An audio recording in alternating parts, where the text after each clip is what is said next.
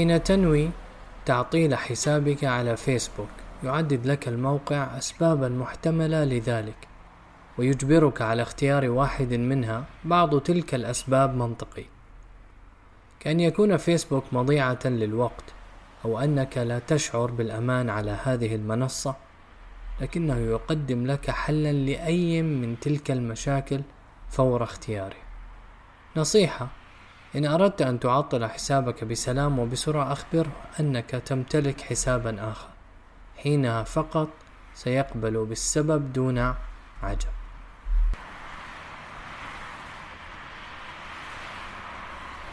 أعرف هذا جيدا لأني أعطل حسابي مرات لا تحصى وكل مرة يسألني الأصدقاء ليش اختفيت. آخر مرة عطلت فيها حسابي اقترح علي فيسبوك أن أقرر من الآن ما سيحصل بحسابي بعد وفاتي ارتعبت. ليس من وفاتي المحتملة في أي لحظة. ما يجعل فيسبوك محقا فعلا إنما من أن يبقى كل ذلك ورائي كالعمل الرديء. كل الصور والتعليقات والرسائل وما شاركته على مدار 11 عام. ارتعبت من فكرة أن ذلك موجود حقا الآن وفي اللحظة التي سأضعف فيها وأعيد تفعيل حسابي سيكون مكشوفا للعالم. من المفترض أن يعدد هذا المقال إجابات لا تحصى للسؤال لماذا علي أن أهجر ال social media مرة واحدة وإلى الأبد؟ أكتبه وأنا ضجرة بعد أن حذفت حسابي على إنستغرام وأزور فيسبوك مرة واحدة أسبوعيا كالحرامية ولخمس دقائق فقط.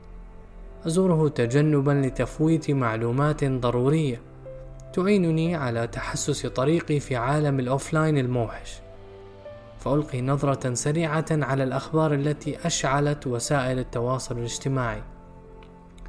والقضايا الأحدث لكشف المتحرشين من حولي وعلى أخبار الخطوبة والزواج أولا بأول ثم أعطل الحساب مجددا. تنشر يوميا 500 ملايين تغريدة على تويتر بينما يطالع 1.62 أو 1.62 مليار مستخدم موقع فيسبوك كل يوم. تتركز أعينهم على الشاشة ويستهلكون بنهم كل ما يقع تحت أصابعهم لدقائق وساعات. لا يعقل أن تكون ملايين المنشورات تلك كلها قيمة. فما نتذكره حين نفرك أعيننا بعد تفقد حساباتنا بالكاد يكفي لإلهام فكرة واحدة في هذا الرأس المتعب من فرط ما ألقي عليه من كتاب وصور وأصوات.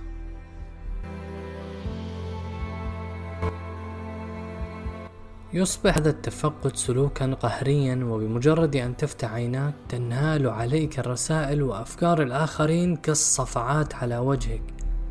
متوقعين منك أن تكون متاحا لاستقبال هذا الفيضان من القلق في كل حين. علاوة على ذلك تصبح أنت أيضا منشغلا بما ستشاركه معهم. تطالع خلال نصف ساعة منشورا لشريكين يعبران عن حبهما لبعضهما.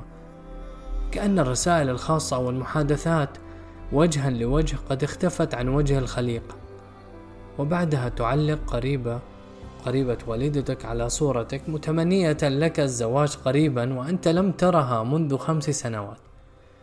لم تكن مستعدا نفسيا لخبر محزن عن قريب صديق لا تعرفه ولم تكن لتعرف بما حصل معه لو لم ترى المنشور على فيسبوك. وذلك لأنه في الحقيقة لا يخصك. ولكن ها نحن الآن. فلتحزن. لن يطول الحزن لأنك تطالع ميم مضحكة ذكورية قليلا لكن مضحكة. نشرها صديق التقيت به في دورة تدريبية عام 2008 ولو رأيته في الطريق لما التفت إلى الوراء ولقلت ما قال المسافر للمسافر الغريبة يا غريبة إلى جانب كل ذلك الهراء ومعه كل مقاطع الفيديو لوضع مساحيق التجميل وتوقعات طلال أبو غزالة وإعلانات جلب الحبيب. إن لوسائل التواصل الاجتماعي طريقة فريدة في إفراغ القضايا الجدية من معناها. لنأخذ خبرا مهما تكرر للأسف مرارا كمقتل امرأة مثلا. أصبحنا نحفظ نمط المنشورات عن ظهر قلب ينشر أحد الصحفيين الخبر الأولي كما نقله له جهاز الشرطة طبعا وينسخه عنه زملائه في محض دقائق. حسنا. نعرف الآن أن هناك فتاة قد قتلت في ظروف غامضة ونعرف أين وجدت جثتها.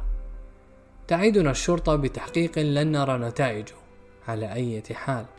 فيجتهد مستخدمو فيسبوك في التحليل انتحرت. لا لا تستحق القتل. ربما ثم يحتارون في نشر صورة الضحية بحجاب أم بدونه فيقررون أن لا ينشروا صورها أصلا. باستثناء صورتها وهي جثة التي تكرم أحدهم بنشرها أول مرة.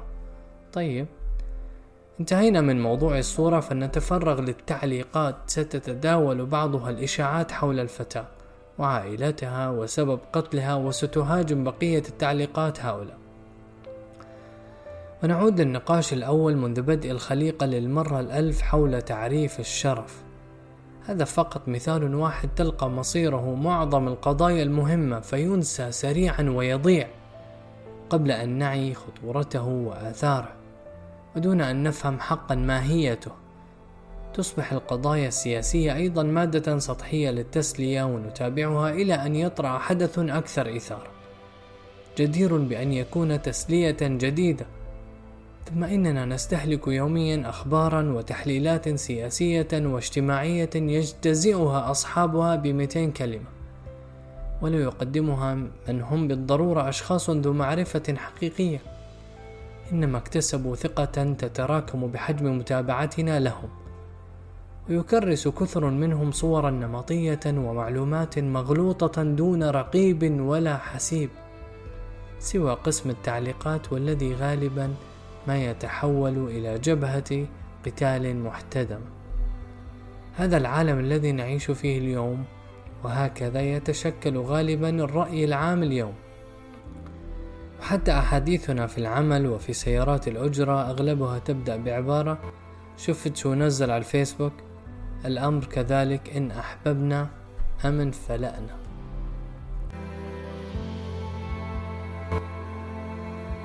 بينما أكتب هذا المقال عن هجر ال social media هربا من الهراء الذي أفنيت عمري في متابعته. تشاهد عائلة التلفاز تلاحقنا الفاشينيستات إلى عقر دارنا. في كل حلقة من برنامج تحدي الفاشينيستا الذي يعرض على إم بي سي. تدعو جويل خبيرة التجميل الأشهر فتيات يمتلكن عددا لا بأس به من المتابعين على تطبيق إنستغرام ليخضن مسابقة في اختيار ملابس جديدة للمشتركين والمشتركات هؤلاء الطامعين في تغيير style هم. أشاهدهن وأنا أرتدي ملابس النوم وأحتسي شوربة العدس مع فجلتين. جويل التي يتابعها أكثر من 15 مليون متابع على إنستغرام. هي الأم الروحية لكل هؤلاء الفاشينيستات. منذ أكثر من عقد اشتهر برنامجها على قناة إم بي سي بصراحة أحلى الذي تغير في مظهر فتيات استنجدن بها ليكن على الموضة.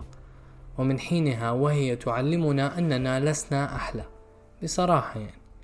من حينها أصبحت ثقافة جويل في كل مكان أي تنميط الجمال بشفاه أكبر ووجه بلا تجاعيد وجسم منحوت وأظافر ملونة طويلة وأسنان بيضاء كأنها لم تلامس كوب قهوة في حياتها.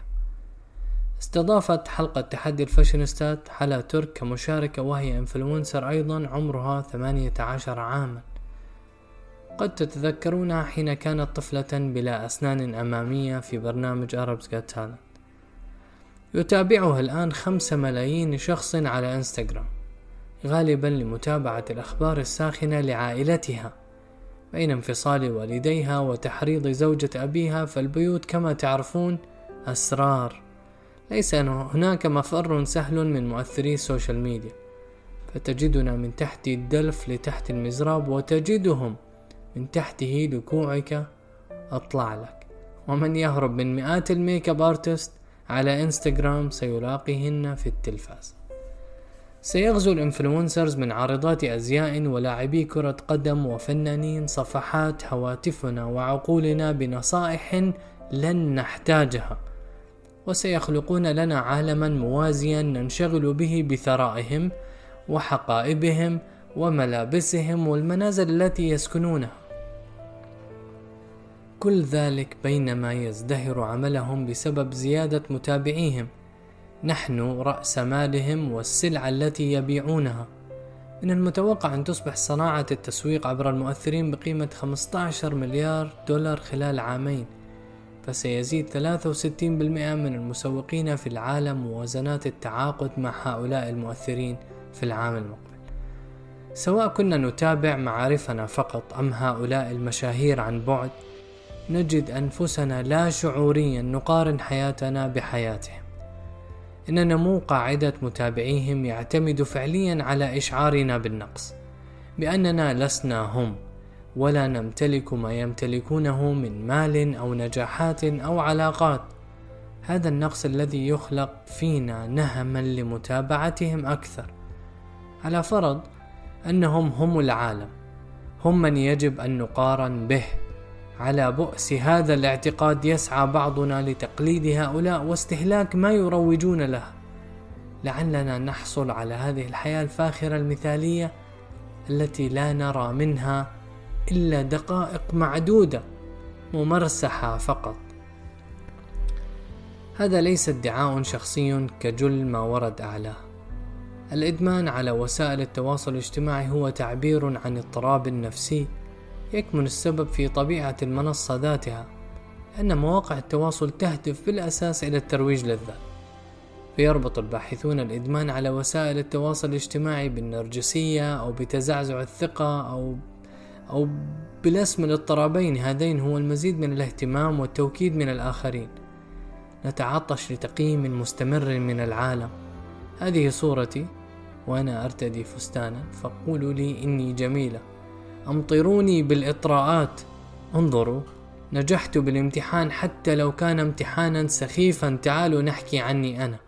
وأنا فقط ركزوا معي عبقرية هذا. تترافق هذه النرجسية التي تغذيها السوشيال ميديا وتعتاش عليها. مع كل مع جعل كل موقف منصبا حولنا مثلا لنفرض أن هناك كارثة قد حصلت كانفجار راح ضحيته العشرة.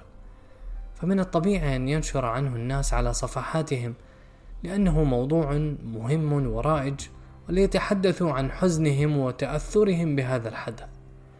لنشر التوعية عما حدث أو تضامنا مع الضحايا. لكن جزءا من هذا الفعل في الحقيقة هو استعراض لأنفسنا. حتى لو تم ذلك بنية طيبة وصادقة ضمن هذا النمط الذي أصبح طبيعيا. نشارك حزننا الصادق لكن لنكافأ على التضامن باللايكات والمشاركات. والمزيد من توكيد الآخرين على مدى حساسيتنا وإنسانيتنا. بعد أن نشعر بهذه الغبطة والمكافأة يتغير شكل حزننا الصادق. تعطشا لذلك الاهتمام. ينطبق ذلك على أي منشور شاركنا فيه رأينا أو حتى قلنا فيه نكتة لاقت رواجا يصبح أصحاب سلطة اللايكات حاضرين في رؤوسنا. حسنا حين أعطل حساباتي أشعر بحرية تجتاحني من كل هؤلاء ومن حاجتي مثل مثلهم للتقييم المستمر ومن استيائي بفعل ما ينشره الآخرون وقلقي مما يظنون عني. وكيف تختلف حيواتهم عن حياتي؟ يصبح سؤال ليش اختفيت؟ باعثا للسعادة لأنه يؤكد لي أن جزءا مني اختفى قليلا ليرتاح. وفي حياة الأوفلاين مديح كثير ليقال إلى أن أضعف ثانية وأفعل حساباتي.